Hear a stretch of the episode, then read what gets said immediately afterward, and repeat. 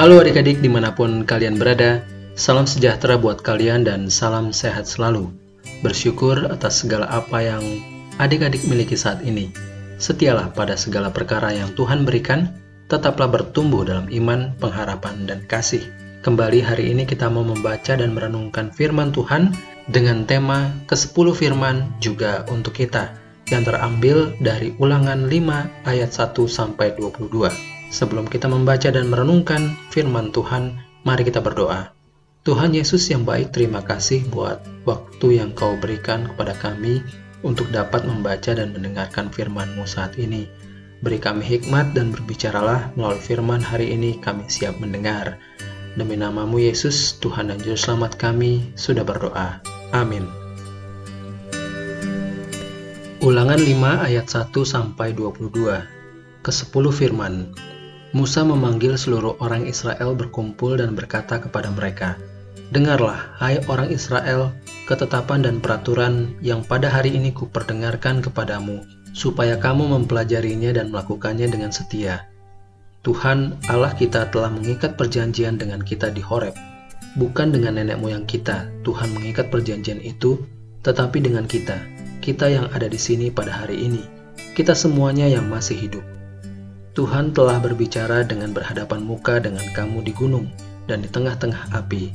Aku pada waktu itu berdiri antara Tuhan dan kamu untuk memberitahukan firman Tuhan kepadamu, sebab kamu takut kepada api dan kamu tidak naik ke gunung. Dan ia berfirman, Akulah Tuhan, Allahmu, yang membawa engkau keluar dari tanah Mesir, dari tempat perbudakan. Jangan ada padamu Allah lain di hadapanku, Jangan membuat bagimu patung yang menyerupai apa pun yang ada di langit di atas, atau yang ada di bumi di bawah, atau yang ada di dalam air di bawah bumi. Jangan sujud menyembah kepadanya atau beribadah kepadanya, sebab Aku, Tuhan Allahmu, adalah Allah yang cemburu, yang membalaskan kesalahan bapa kepada anak-anaknya dan kepada keturunan yang ketiga dan keempat dari orang-orang yang membenci Aku.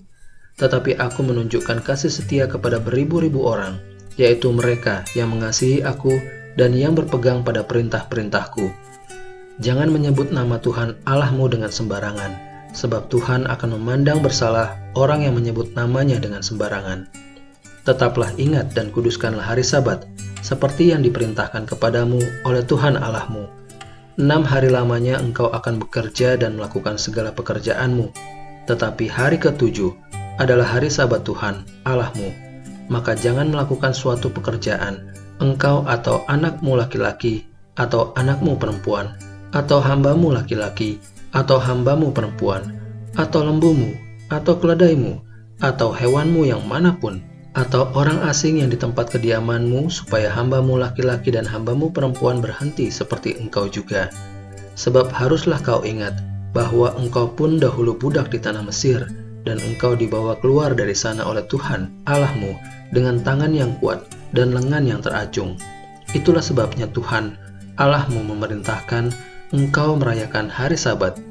Hormatilah ayahmu dan ibumu seperti yang diperintahkan kepadamu oleh Tuhan Allahmu, supaya lanjut umurmu dan baik keadaanmu di tanah yang diberikan Tuhan Allahmu kepadamu. Jangan membunuh, jangan berzina, jangan mencuri, jangan mengucapkan saksi dusta tentang sesamamu, jangan mengingini istri sesamamu, dan jangan menghasratkan rumahnya, atau ladangnya, atau hambanya laki-laki, atau hambanya perempuan, atau lembunya, atau keledainya, atau apa pun yang dipunyai sesamamu. Firman itulah yang diucapkan Tuhan kepada seluruh jemaahmu dengan suara nyaring di gunung, dari tengah-tengah api, awan dan kegelapan, dan tidak ditambahkannya apa-apa lagi. Ditulisnya semuanya pada dua loh batu, lalu diberikannya kepadaku. Demikianlah firman Tuhan hari ini. Adik-adik, fokus renungan kita hari ini adalah ayat 22 dari ulangan 5 yang berbunyi, Firman itulah yang diucapkan Tuhan kepada seluruh jemaahmu dengan suara nyaring di gunung, dari tengah-tengah api, awan dan kegelapan, dan tidak ditambahkannya apa-apa lagi. Ditulisnya semuanya pada dua loh batu, lalu diberikannya kepadaku. Dengarkanlah, hai umat Israel, Allah memberikan perintah untuk engkau taati. Inilah dua loh batu yang berisikan ke sepuluh firman. Bintang berseru dari atas dinding teras rumah. Bintang, kamu sedang apa? Bulan dan Mentari bertanya bersamaan sambil tertawa geli. Ayo, Bulan, Mentari, kalian pura-pura menjadi bangsa Israel yang melihat dan mendengar dengan takjub kepada kata-kataku. Aku sedang berperan menjadi Musa yang berdiri di atas gunung Sinai. Kata bintang berbinar-binar sambil memeluk dua buah majalah di tangan kanan dan kirinya. Wah, Kak Bintang masih ingat cerita firman Tuhan minggu kemarin ya? Mentari berkata sambil tertawa dan bertepuk tangan kegirangan. ya benar, aku sangat kagum dengan cerita firman Tuhan di mana Tuhan menampakkan diri kepada Musa di atas gunung Sinai. Aku membayangkan peristiwa gunung Sinai ditutupi awan tebal, ada suara guntur dengan kilat bersaut-sautan, dan sinar terang. Bintang berkata sambil tangannya memperagakan bentuk gunung-gunung tinggi. Apalagi yang membuatmu kagum, Bintang? Tanya Bulan. Hmm, aku kagum dengan Tuhan yang memberikan kesepuluh firman kepada bangsa Israel. Tuhan ingin bangsa Israel menjadi bangsa kesayangan Tuhan dan menuntun mereka untuk menyembah dan ikut Tuhan dengan benar.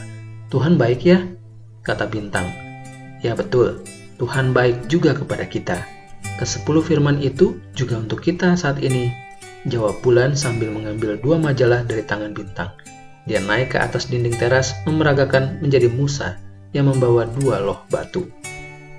Nah, adik-adik, sama seperti dulu Tuhan baik pada bangsa Israel, demikian juga saat ini Tuhan baik pada kita. Sama seperti dulu bangsa Israel menjadi umat kesayangan Tuhan, saat ini pun kita menjadi umat kesayangan Tuhan.